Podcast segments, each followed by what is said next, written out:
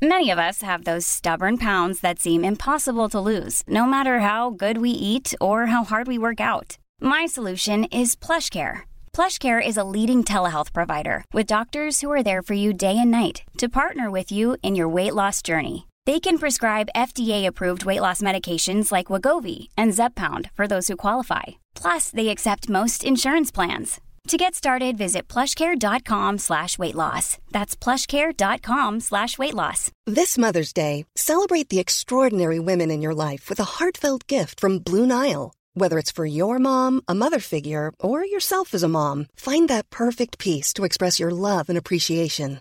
Explore Blue Nile's exquisite pearls and mesmerizing gemstones that she's sure to love. Enjoy fast shipping options like guaranteed free shipping and returns. Make this Mother's Day unforgettable with a piece from Blue Nile. Right now, get up to 50% off at BlueNile.com. That's BlueNile.com.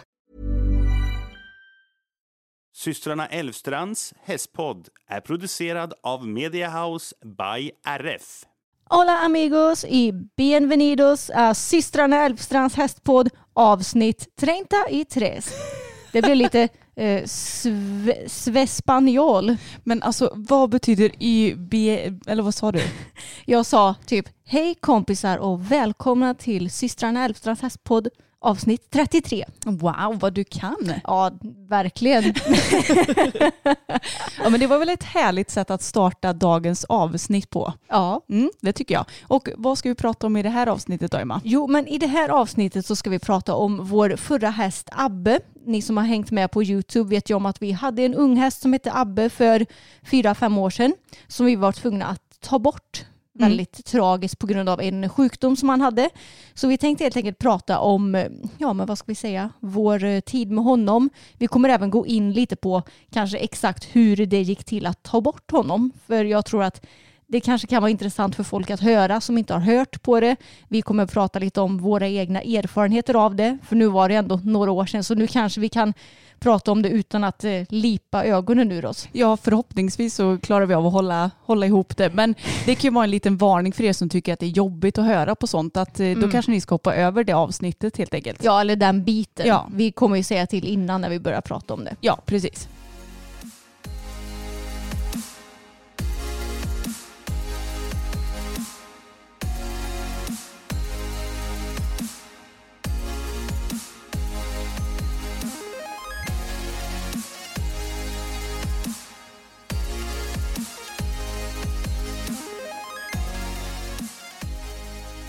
Men du och Bella har ju varit och tävlat med bravur i helgen Emma. Ja, verkligen. Alltså jag är så himla glad nu. Känner mig så pepp på fler tävlingar. För vi var ju och hopptävlade nu i helgen.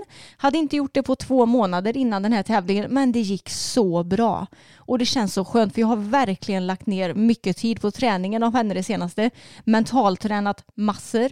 Och eh, sen har det även känts väldigt bra både när jag har liksom blivit dressyr och hoppning. Så det känns så skönt att få utdelning för det på tävling också. Ja men jag förstår verkligen det. Och ni var ju i Nygård där, ni, där vi pratade lite om det. Var det i förra avsnittet? Ja, det var något eh, avsnitt nyss i alla fall. Ja, när, När vi jag- pratade om att du och Bosse ju vann fast egentligen inte vann där. Exakt. Så nu var, till, nu var vi tillbaka där igen och det är så kul för jag har inte varit där på, ja det måste ju vara typ nästan 15 år sedan som jag var där med Bosse. Mm, jag har inte heller varit där. Nej, och det, är liksom, det såg typ ut som det gjorde, men de hade ju byggt en till paddock. Men framförallt så var den här gräsbanan där terränghoppningen var, den var så himla mycket mindre än vad jag minns att den var. Så jag var men gud har vi har liksom hoppat en hel typ ter, terränghoppning inom stationstecken här.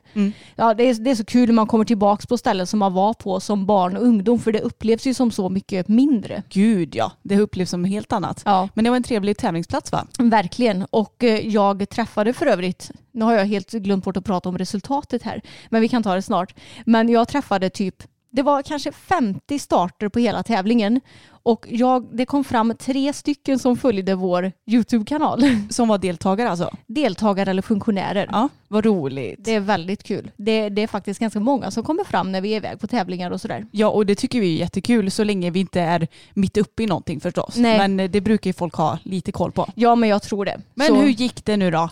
Det gick kanon. Vi blev trea. Woohoo! Dubbelnolla. Men ni hade ju vunnit om inte hon snubblat va? Ja, det är ju lite irriterande. Det, det, jag fick till så himla fint flyt hela banan. Och sen till sista hindret i omhoppningen så tänkte jag nu ska jag ta den här svängen som ingen annan har tagit. Och jag hoppade näst sista hindret. Jag börjar svänga, får till svängen fint, men då snubblar hon till som bara den. Så det känns nästan som att hon ska gå ner lite på knäna och jag bara, åh herregud, vi kan inte ta den här svängen nu när hon halvt har trillat omkull. Så då fick jag rida runt ett hinder som jag inte hade tänkt rida runt och eh, avsluta. Men eh, ja, jag var ju knappt en sekund efter den som vann. Så ifall jag hade fått till den här svängen eller bara att hon inte hade snubblat, för det, det förlorade jag säkert en sekund på, mm. så hade vi ju vunnit. Så det var lite segt, men jag är ändå supernöjd för det blev hennes första vuxenplacering i hoppning. Ja, och alltså, jag har ju sett filmen för att jag kunde tyvärr inte följa med er. För jag hade lite andra planer tänkte jag säga. Jag var på ridskolan och hade hand om en tävling där. Eller nej, det hade jag inte, men jag hade hand om banan för jag är ju alltid banchef på våra hemmatävlingar. Mm. Men Eh, så jag kunde inte följa med men jag har sett videon.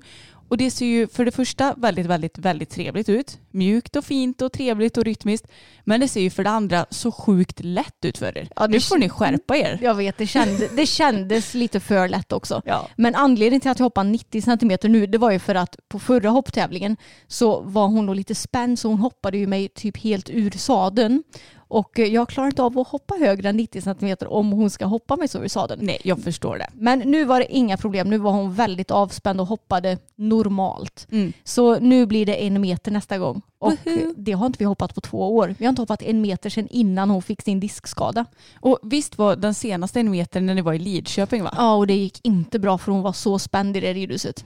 Ja, men det ska bli jättespännande för nu blir det ju en meter debut igen då för ja. ja men om typ en, ja, knappt en månad. Ja, om knappt en månad. Mm. Och det ska bli superkul. Då planerar jag att åka till Falköping och hoppa en meter och jag kommer köra på avdelning A. För jag ser ingen anledning till att hoppa avdelning B med henne för att hon är ju så himla stabil och så.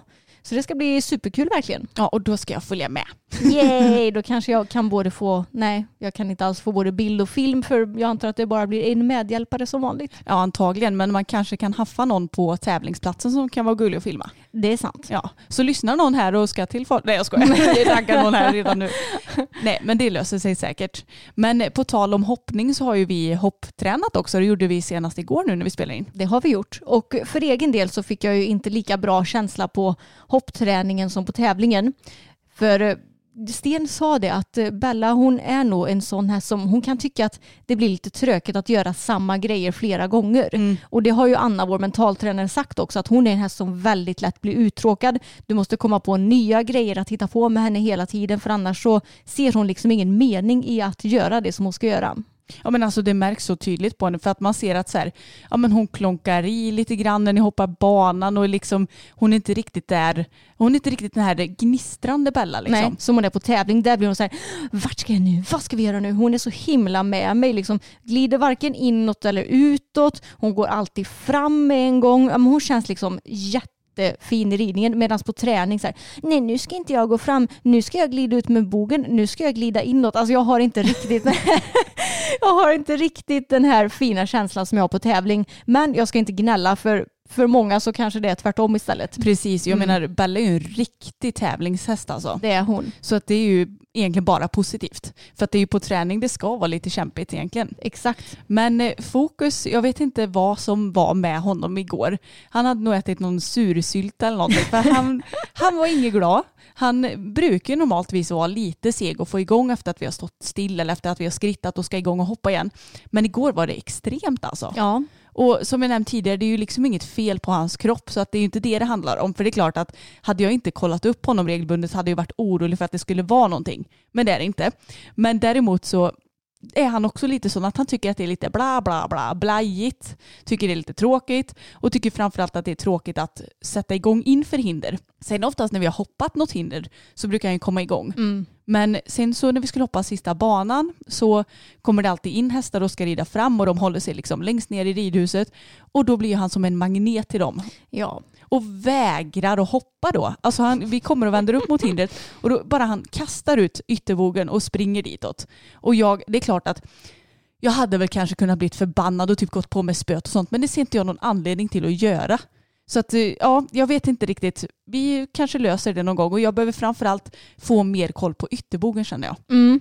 För sån här var han ju, han är ju dels inte sån när vi hoppar hemma Nej. och sen så var han ju inte sån när du var och tävlade heller. Nej, alltså då var han ju så pigg och framåt och glad och jag tror att han och Bella är lite likadana. Jag tror det med. Det känns som att de blir bara mer och mer lika hela Ja. tiden också. Nej, men de är liksom två tjurkärringar båda två. Fastän att Fokus är en kille då. Ja, En tjurgubbe är han. Ja, Mm. exakt. Så vi, det gäller för oss att helt enkelt eh, lära oss att få koll på det där. Ja, och att då får man liksom accepte- acceptera lite att träningar kanske aldrig kommer kännas lika bra som på tävling antagligen. Mm. Men att det, man får se det som ett bra träningstillfälle. Och jag tyckte ändå att jag löste det ganska bra med hans tjurerier och att jag ändå kunde komma till ridning liksom. Det tycker Och jag med. Ni får ju, ni, det finns ju både video från Emmas tävling och den här träningen. Mm. Så ni kan hoppa in på YouTube eller så kan ni kolla länkarna i beskrivningen till det här avsnittet. Mm. Och det ska bli spännande för nu på söndag ska ju du tävla Fokus också. Mm.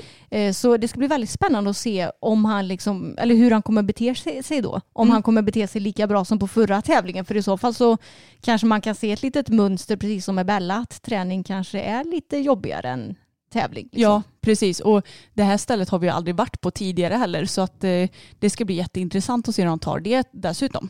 Och eh, när det kommer till våra älskade gamlingar så rider vi på med dem hemma och har inte anmält till någon tävling eller sådär. Men Boppen känns ju inte helt hundra just nu. Nej, han har inte gjort det. Han har varit lite knackig i bakkärran de senaste dagarna. Så igår, som tur är, så kunde vår ekiopat Kristin på Ekihälsa komma ut och kika på honom. Hon hittade inget konstigt utan hon tror egentligen att det är hans högra bakben som han har mest shivering i som liksom ställer till med lite bekymmer. Så han har fått lite laser där och han har fått liksom massage och behandlat triggerpunkter på hela kroppen. Och nu så ser jag honom, han står ute och äter hö och han har, vad heter det, han har någon sorts tejp på sig. Ja, heter det kinesiologi? Kinesiologi-tejp. Ja, något sånt va? Ja, Mm. precis. Och det är tejp som liksom ska Ja, Kristin förklarar ju det här för mig, men det är ju det här med minnet. Men det ska liksom typ, vad ska man säga, få bort huden lite Ja. så att man öppnar upp så att det blir mer blodcirkulation. Ja, just det. Så Och- det flödar mer i Ja, benet. ja, men bättre cirkulation. Och det kan nog vara superbra för honom där vid hans has i bak. Mm. För den har kanske blivit lite, vad ska man säga, han har liksom inte fått upp någon ordentlig rörlighet i den det senaste. Nej, och det tycker jag egentligen, alltså det har ju blivit mycket värre de senaste dagarna men någon gång då och då så har man ju känt lite så här, ja det känns inte helt hundra men det kan ju vara lite så här gammelstelhet också. Mm. Det är det som är så himla svårt när de kommer upp till åren. Så här, vad är egentligen en skada? Vad är en gammelstelhet? Vad Ja. är ridbart? Vad är inte ridbart? Alltså det är det som man får försöka ta ställning till. Liksom. Precis, så nu ska han få vila ett par dagar och sen så ska vi rida honom lite lugnare så får vi se hur han känns. Och ifall han fortfarande inte skulle kännas bra så får vi boka in någon tid antingen hos eh, Charlotta, ekiterapeuten eller hos någon veterinär. Mm. Han har ju liksom ingen svullnad eller värme eller något sånt där i något ben så jag tror inte att det är något veterinärt fel på honom. Liksom. Nej, jag tror egentligen inte det heller för att han är ju inte halt halt utan han är bara lite ofräsch. Liksom. Ja, exakt. Men Kristin är ju hur duktig som helst för övrigt så att bor ni i krokarna så tycker jag verkligen att ni ska höra av er till henne. Absolut. Men eh, till Tage då, han känns superduper fräsch, är eh, pigg och glad och vi hoppade lite studs häromdagen och han tyckte det var jättekul. Men eh, han ska ju antagligen få göra något väldigt roligt ja, den här veckan som kommer nu för er som lyssnar. Mm, han ska få tävla SM. Ja, för att det är nämligen så att vår ridklubb, vi anordnar Svenska spelen i dressyr för eh, pararyttare. Så i helgen nu som kommer så ska vi ha två dagars dressyr för dem och, och ha eh, lite fest på kvällen och sådär. Så att det ska bli så roligt. Och eh, Tage ska alltså vara med och vara liksom lånehäst. För det är det jag tycker är så himla häftigt med just paradressyr. Att det är klart att det finns pararyttare som har egna hästar och det finns det väl ganska gott om. Men det finns ju också de pararyttarna som inte har egen häst. Så när de kommer till tävlingsplatsen så ska de liksom bara sitta upp på en häst som då arrangören har matchat ryttaren med och starta ett program. Mm. Jag tycker det är urhäftigt alltså. Verkligen. Jag menar, det, det, om man tänker till sig själv att det hade ju varit en väldig omställning och det tar ju egentligen, man brukar ju säga i regel ett år för att rida in sig på en häst ordentligt. Men då måste ju vara otroligt vana vid att liksom eh, ställa in sig snabbt på hur en häst är och, och komma till ridning. Mm. Och det ska Tage få med på. Mm. Eh, och det är ju ett inofficiellt SM kallas det väl för. Precis. Eh, och är det bara pararyttare som lånar hästar eller är det folk som har egen häst också som kommer? Det är även folk med egen häst. Ja. Så det är liksom, ja men det- Svenska spelen i dressyr heter det för parekipage då. Så att eh, det ska bli väldigt roligt. Ja, verkligen. Och Tage han är ju supersnäll och stabil så det kommer nog bli jättebra tror jag. Det tror jag med.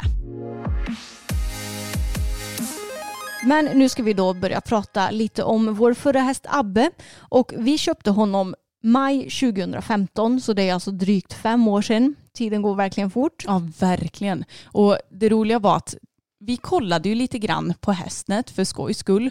Vi hade tag och boppen och kände att det hade väl varit kul med ett litet projekt.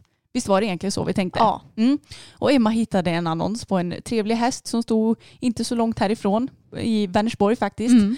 Och skickade till mig och sa, åh, kan vi inte kolla på den här? Och jag sa, jo, han såg ju jättesöt ut. Och då är det ju alltså Abbe vi pratar ja. om.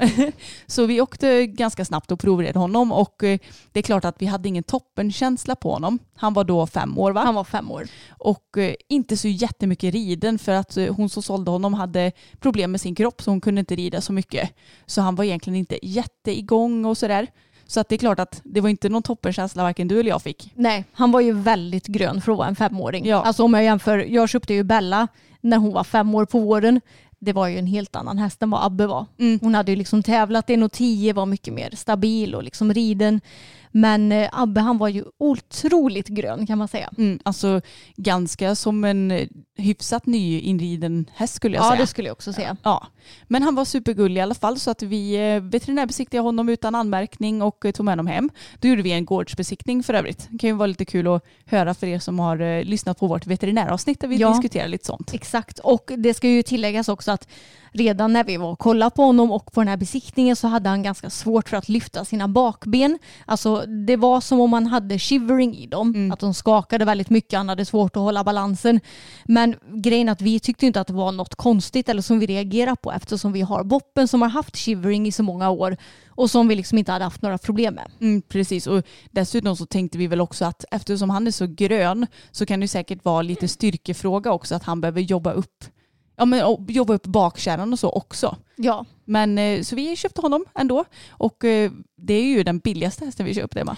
eh, ja han var faktiskt väldigt billig. Han kostade 45 000. Ja, han var väldigt trevlig ska tilläggas. Alltså otroligt snäll. Verkligen världens snällaste häst. Det säger vi typ om alla våra hästar. Men han var verkligen en sån häst som, han skulle aldrig göra något Nej. elakt inom stationstecken utan verkligen en helt genomsnäll häst. Så trygg också att rida. Kunde rida ut själv på honom utan problem. Han var inte tittig heller vad jag kan minnas. Nej.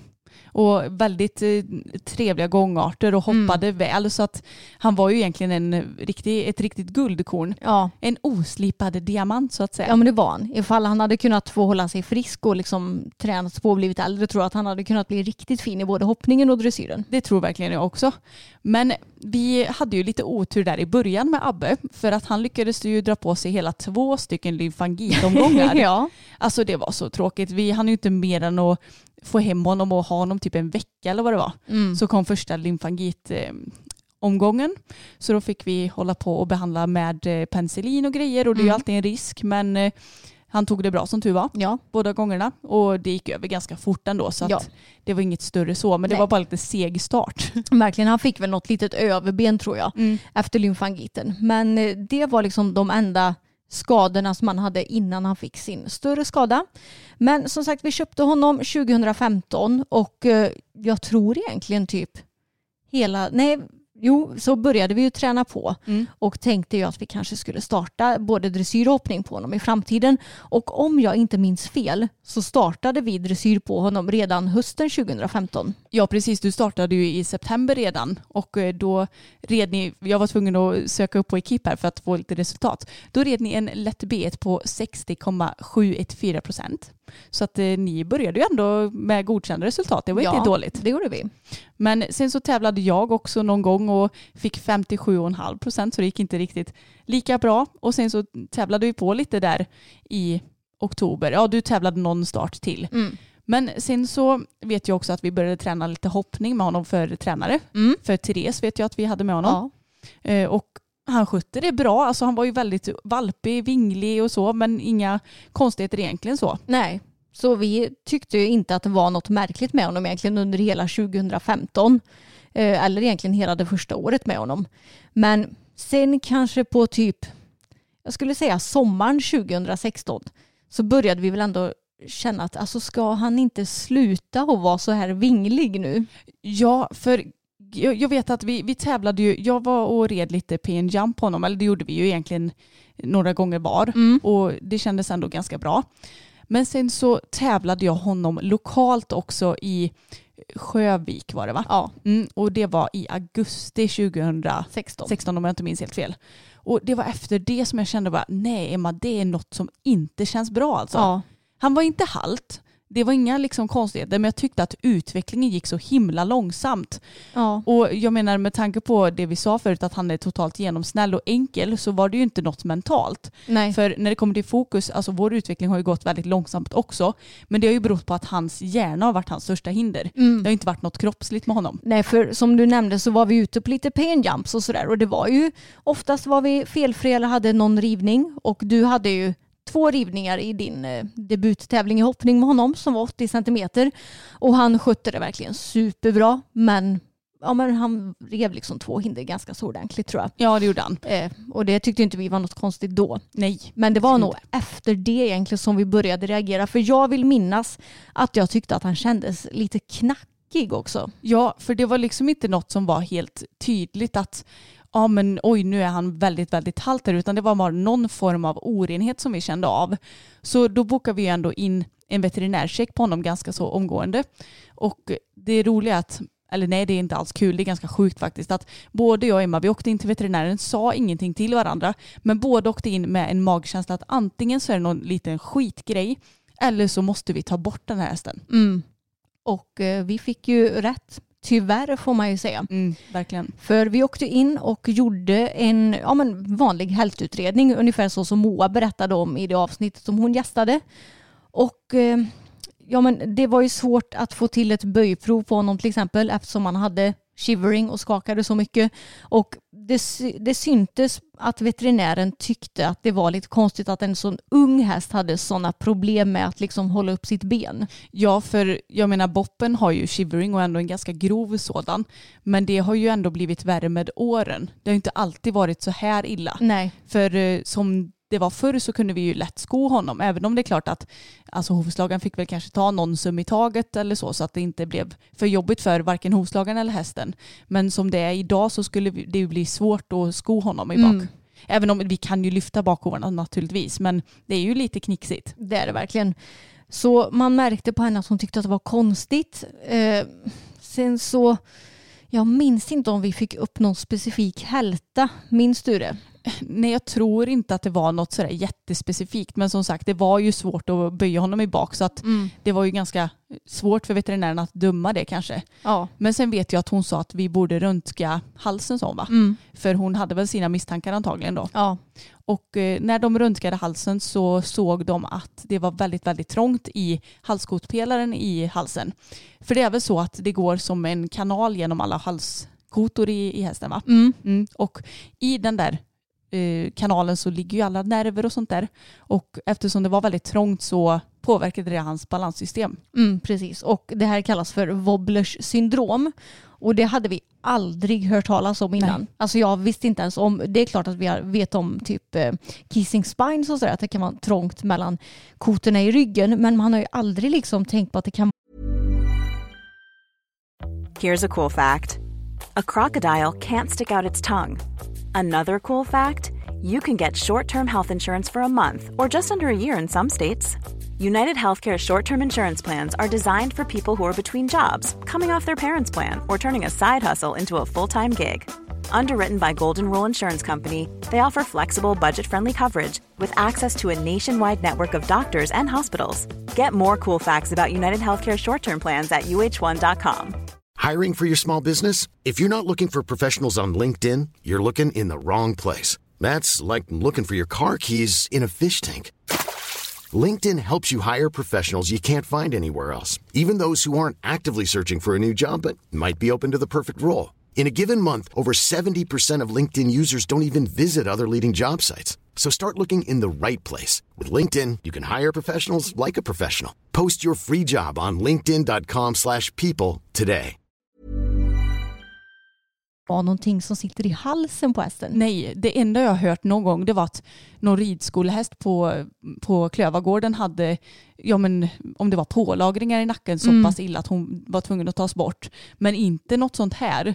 Så veterinären förklarade då för oss precis det jag sa, att det var väldigt trångt och att det dessutom kan bli ännu värre med åren. Mm. Och att det antagligen blir det också. Ja. Och eh, hon sa det att det är ändå så pass illa på den här unga hästen, han var ju sex år då, Mm. Så jag tycker egentligen inte att ni har något alternativ, sa hon till oss. Mm. Precis. Och det var ju väldigt tufft att höra för att även om vi köpte in Abbe som ett projekt som vi tänkte att ja men honom kan vi väl sälja vidare så är ju vi väldigt dåliga på att sälja hästar så att hade, hade det inte varit något fel på honom så tror inte jag att han hade lämnat gården. Nej, alltså vi, vi fäster ju oss rent känslomässigt vid våra hästar otroligt lätt. Som ni ju vet. Mm. Eh, Så vi skulle aldrig kunna vara hästhandlare liksom tror jag. Nej det tror inte jag heller. Nej, alltså det hade varit jättesvårt för oss. Mm. Det är inte ett jobb för Älvstrand som man säger Nej, verkligen inte. Så vi hade ju fäst oss väldigt mycket vid Abbe också. Även om vi kanske hade planer egentligen på att sälja honom Ja. i framtiden. Men inte än liksom. Och han var bara sex år och man såg på veterinären när hon kom att nu är det inga positiva besked som hon ska ge. så. Nej, hon hade ett väldigt allvarsamt uttryck och Mm. Det var väldigt skönt att hon sa, alltså hon sa det på ett väldigt bra sätt tycker jag. Mm. Man hade nog inte kunnat leverera ett dåligt besked på ett bättre sätt tror jag. Nej. Och det slår mig så här i efterhand att fy fan vad tufft veterinärer har det. Mm. När de måste komma och säga till folk att deras hästar inte är friska och, Nej. och kanske inte borde leva mer. Precis. Alltså det är ju helt otroligt. Alltså jag sitter och ryser här nu. Det är ju Mm. samma med läkare naturligtvis. Men nej, usch, jag hade inte velat vara i deras skor alltså. Nej, men vi kan ju ändå varmt rekommendera Husaby hästklinik får vi ju säga. Ja, För de har alltid hjälpt oss väldigt bra med våra hästar. De är väldigt professionella. De har väldigt mycket olika kompetenser samlade under samma tak. Så därför känns det väldigt tryggt att åka dit. De har ju en av Sveriges bästa ekiterapeuter där, Charlotta, som vi använder oss av också. Mm. Så eh, men det känns bara väldigt tryggt att de är så duktiga. ja, och det är så skönt att ha dem så nära oss. Mm. Det tar ju typ 50 minuter för oss att åka dit. Ja, Så det är verkligen guld. yes. Även om det är klart att det är inte roligt att behöva ta hjälp av veterinärer. Nej, ett tag var vi där väldigt ofta. Skulle Ja. behöva klippkort kändes det som. Ja, Peppar peppar, nu har det inte varit så många gånger det senaste. nej. Men på tal om Abbe då, när hon gav oss det här beskedet så sa hon att ja, nu kommer jag inte prata lika fint som hon gjorde, men hon sa ju att vi kommer vara tvungna att ta bort honom eh, och att vi inte kommer behöva göra det nu utan vi kan liksom vänta lite men vi ska inte rida honom Mm. för att det skulle kunna bli farligt för oss eftersom att det här skulle antagligen bli värre och värre och då kommer också hans balans att bli sämre och sämre. Och det kan ju utgöra stora risker. Alltså ifall han hade gått med det här ännu längre hade det ju kunnat bli så illa att han hade kanske kunnat ramla och skada någon annan häst eller trilla över oss och skada oss även om han inte hade velat det själv liksom. Ja men precis, det påverkar balansen så himla mycket negativt. Och hon sa väl det att beslutet är såklart erat men eh, jag rekommenderar inte att han liksom får fortsätta. Och hon Nej. sa ju naturligtvis det lite mer ja, inlindat eller vad Ja. man ska säga. Men vi förstod ju att det var så hon menade. Mm. Och det var ju inget snack om saken för varken mig eller Emma. Vi blev ju väldigt, väldigt ledsna naturligtvis. Men Mm. vi kände att det, är inget att fundera på. Det är Nej. klart som tusan att för hans del och för vår del att det, det är ingen idé att han får fortsätta Nej. sitt liv liksom. Exakt. Och det här var väl i september vill jag minnas som vi åkte in med honom och Mm. fick det här beskedet. Och efter det så kontaktade vi vårt försäkringsbolag för att få koll på allting liksom inför att vi skulle ta bort honom. Vi var tvungna att kontakta kommunen var det va? Mm. Eftersom vi ville begrava honom här på gården. För det behöver man göra så att de inte ligger för nära något vatten och sådär. Så det kom ut någon sån gubbe och kollade här också Ja. för att se vart vi skulle kunna gräva ner honom. Så det var ju lite vad ska man säga, administrativa grejer som vi var tvungna att göra innan han kunde tas bort. Ja precis, för normalt sett så kan man ju antingen åka in med hästen för att ta bort den och man kan ju också ta bort hästen på plats och ringa någon, jag vet inte ens vem det är man ringer men någon liksom slaktbil tänkte jag säga, det är det väl inte riktigt men Nej, det, det är någon, någon. som kommer och hämtar hästen.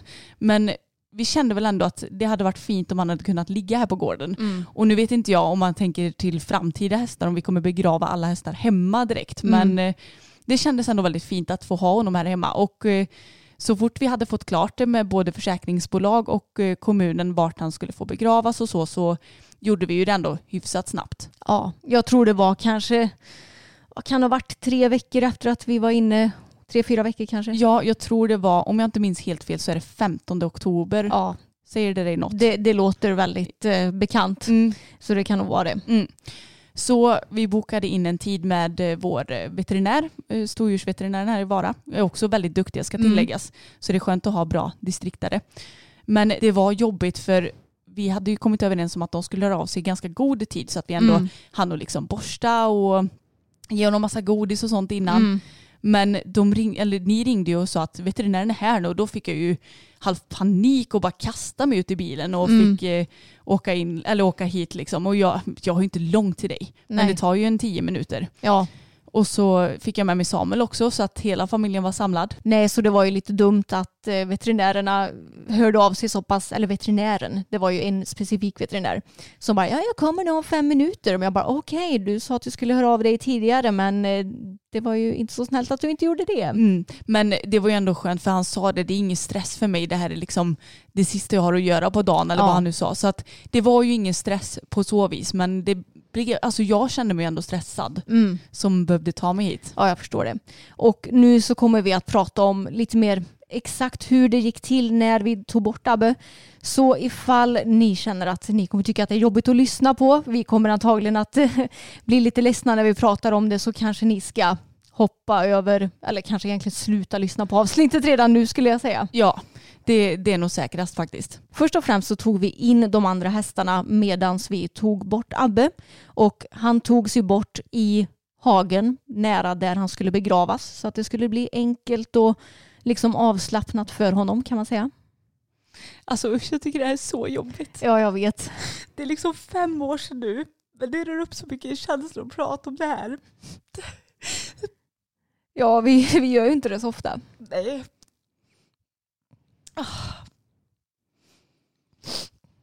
Ber om ursäkt över ett snyft avsnitt här men det är jobbigt att ta bort hästar. Ja.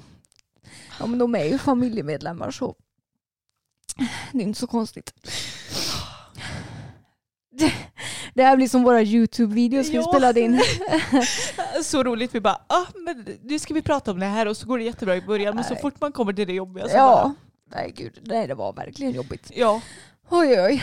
Ja, eh, vi, men vi valde i alla fall att ta bort honom genom att eh, bulta honom.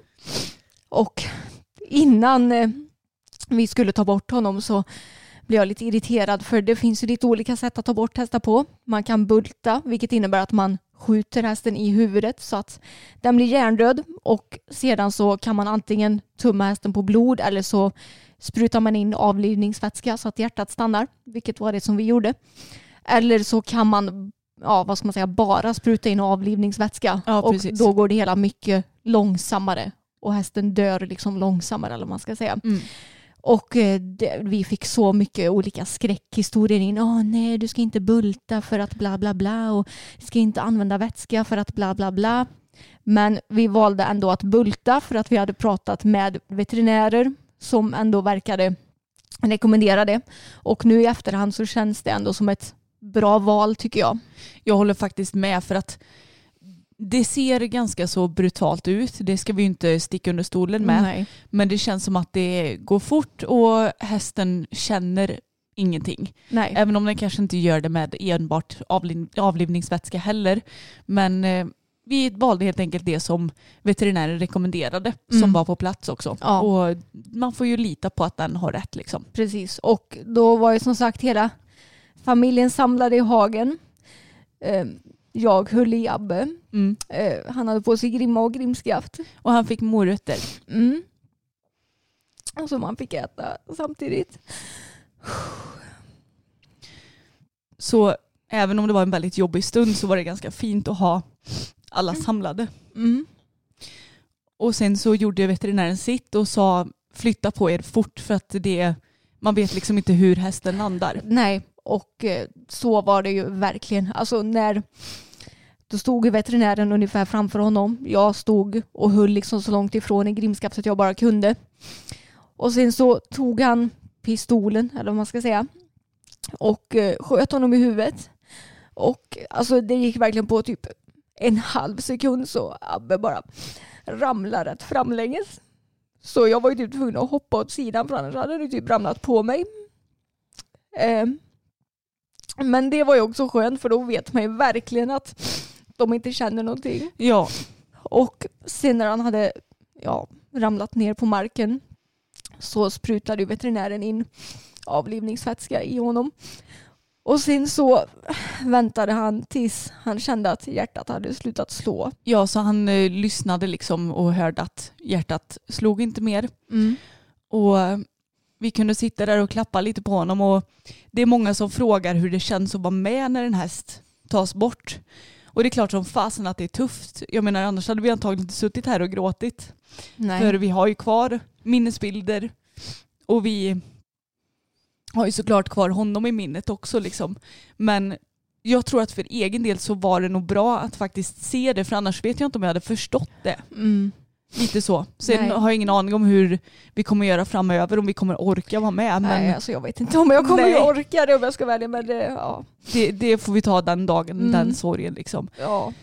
Men eh, sen så hade vi ju, eller pappa hade, nej det var nog inte pappa som hade grävt, men eh, pappas kompis hade grävt själva Abbes grav då. Och det var ju lite regler på hur långt ner de ska ligga och sådär så att det är mycket att tänka på när man ska göra en hästgrav. Vilket vi, det har vi ju såklart inte några tidigare erfarenheter av så att det var något nytt för oss.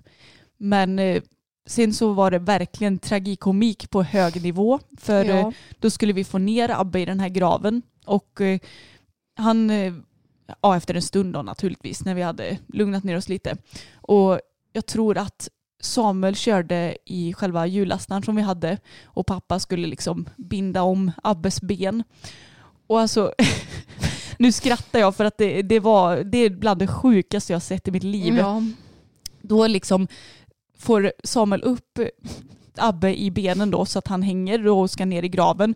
Men det är bara det att han hänger ju liksom inte still utan det blir ju som en sån här snurreffekt ni vet som blir när man, när man håller i ett snöre och har Ja. någonting. fla- Alltså, det, det såg bara så sjukt och brutalt och lustigt ut på samma gång så Mm. att jag vet inte, det blev typ gråtskratt där ett litet tag. ja. Men sen så fick vi ju ner Abbe då och kunde gräva för all jord och sånt där och lät det väl vara avspärrat ett litet tag så att det fick, ja men vad ska man säga, återhämta sig jorden. Mm. Och sen var allt klart egentligen. Mm. Och det gick ju hur bra som helst med försäkringsbolaget. Vi fick Ja. tillbaka våra pengar och, Mm.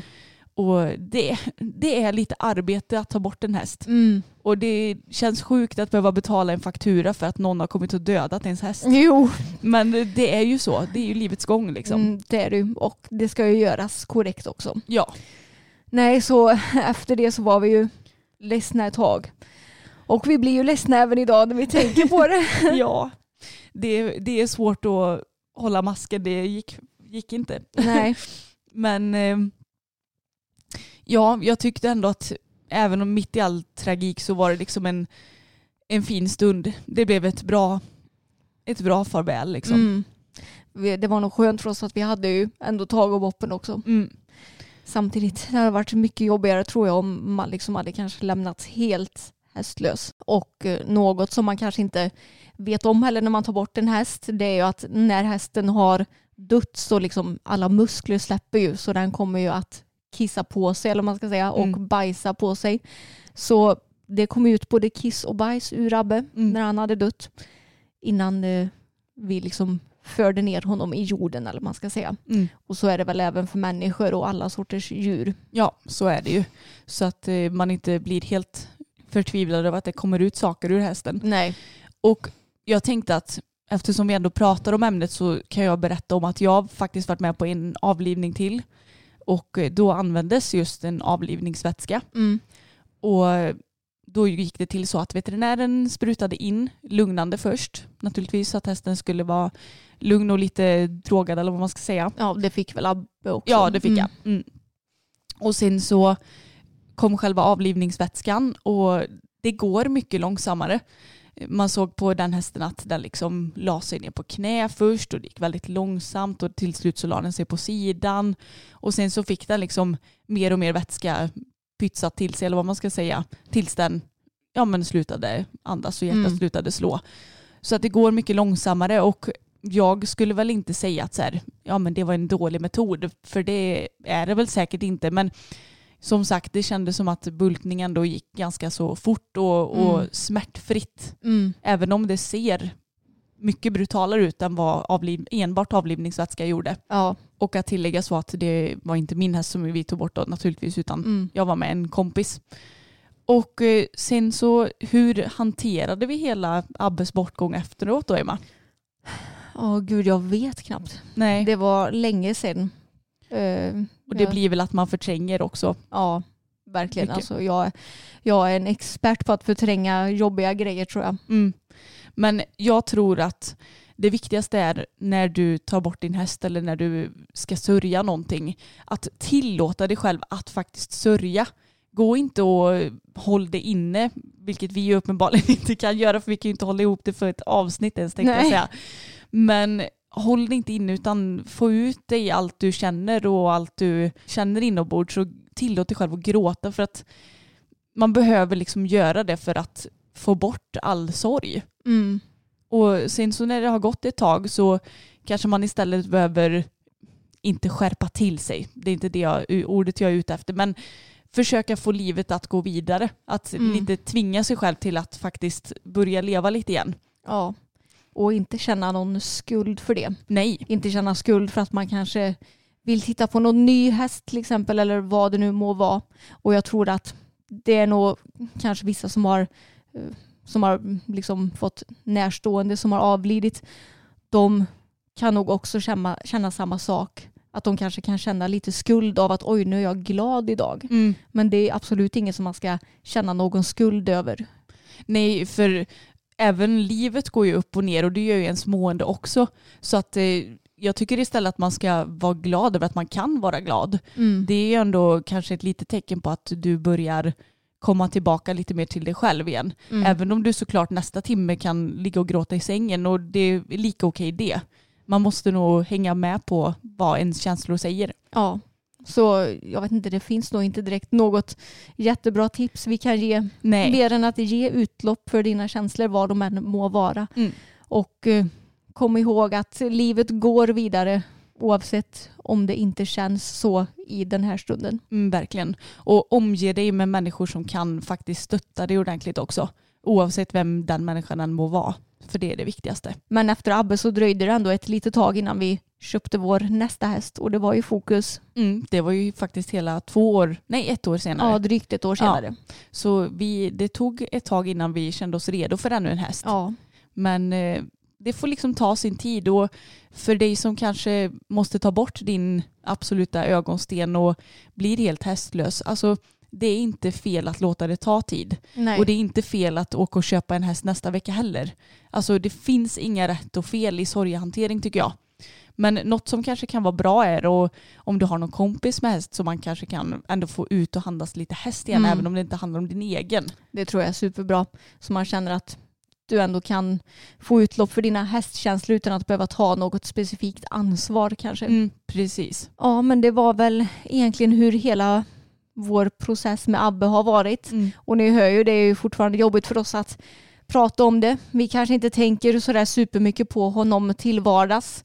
Och eh, det beror väl lite på det här. Alltså gör vi det så blir vi uppenbarligen superledsna. Ja, alltså jag tillåter inte mig själv att tänka på just Abbes bortgång så mycket för Nej. att jag blir väldigt ledsen av det. Mm. Men däremot så är det klart att vi minns ju honom med glädje och han var verkligen världens härligaste häst och har lärt oss så himla mycket. Mm. Och jag är så glad över att just han blev vår första unghäst också. Mm, jag håller med. För han var så himla okomplicerad och glad och undrade hela tiden vad nästa sak var. Liksom. Mm. Ja, han var verkligen en helt fantastisk kille. Mm. Och vi har även lärt oss nytt eh, i medicinsk väg så att säga. Mm. Nu har vi lärt oss att eh, man kanske ska hålla lite bättre koll på hästar som har problem med balansen.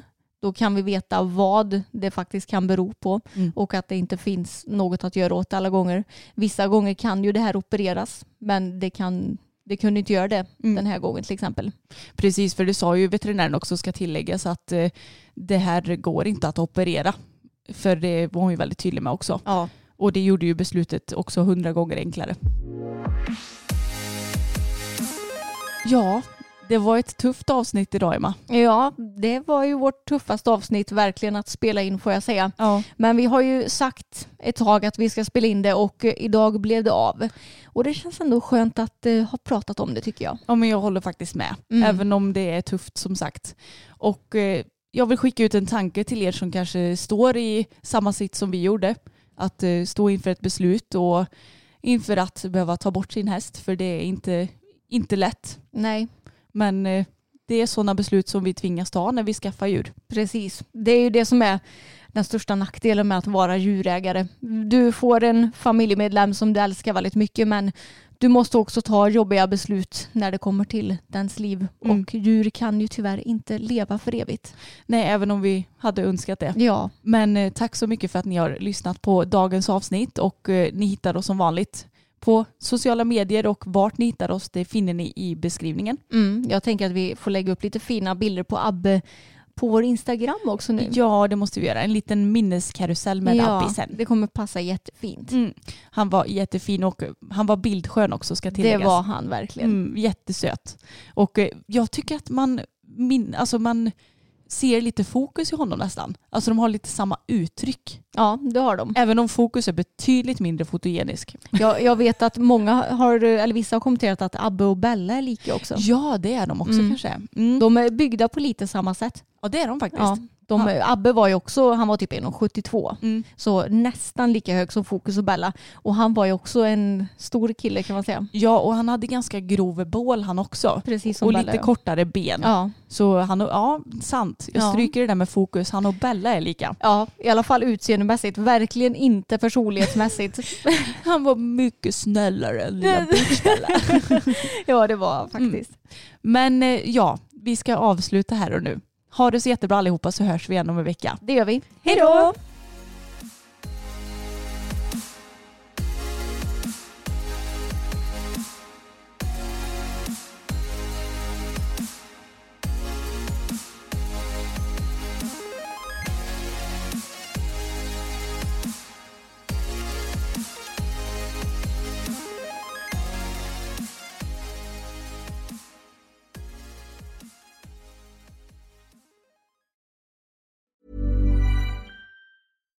Hi, I'm Daniel, founder of Pretty Litter. Cats and cat owners deserve better than any old fashioned litter. That's why I teamed up with scientists and veterinarians to create Pretty Litter. Its innovative crystal formula has superior odor control and weighs up to 80% less than clay litter. Pretty Litter even monitors health by changing colors to help detect early signs of potential illness. It's the world's smartest kitty litter. Go to prettylitter.com and use code ACAST for 20% off your first order and a free cat toy. Terms and conditions apply. See site for details. Mom deserves the best, and there's no better place to shop for Mother's Day than Whole Foods Market. They're your destination for unbeatable savings, from premium gifts to show-stopping flowers and irresistible desserts. Start by saving 33% with Prime on all body care and candles. Then get a 15-stem bunch of tulips for just $9.99 each with Prime. Round out Mom's menu with festive rosé, irresistible berry chantilly cake, and more special treats. Come celebrate Mother's Day at Whole Foods Market.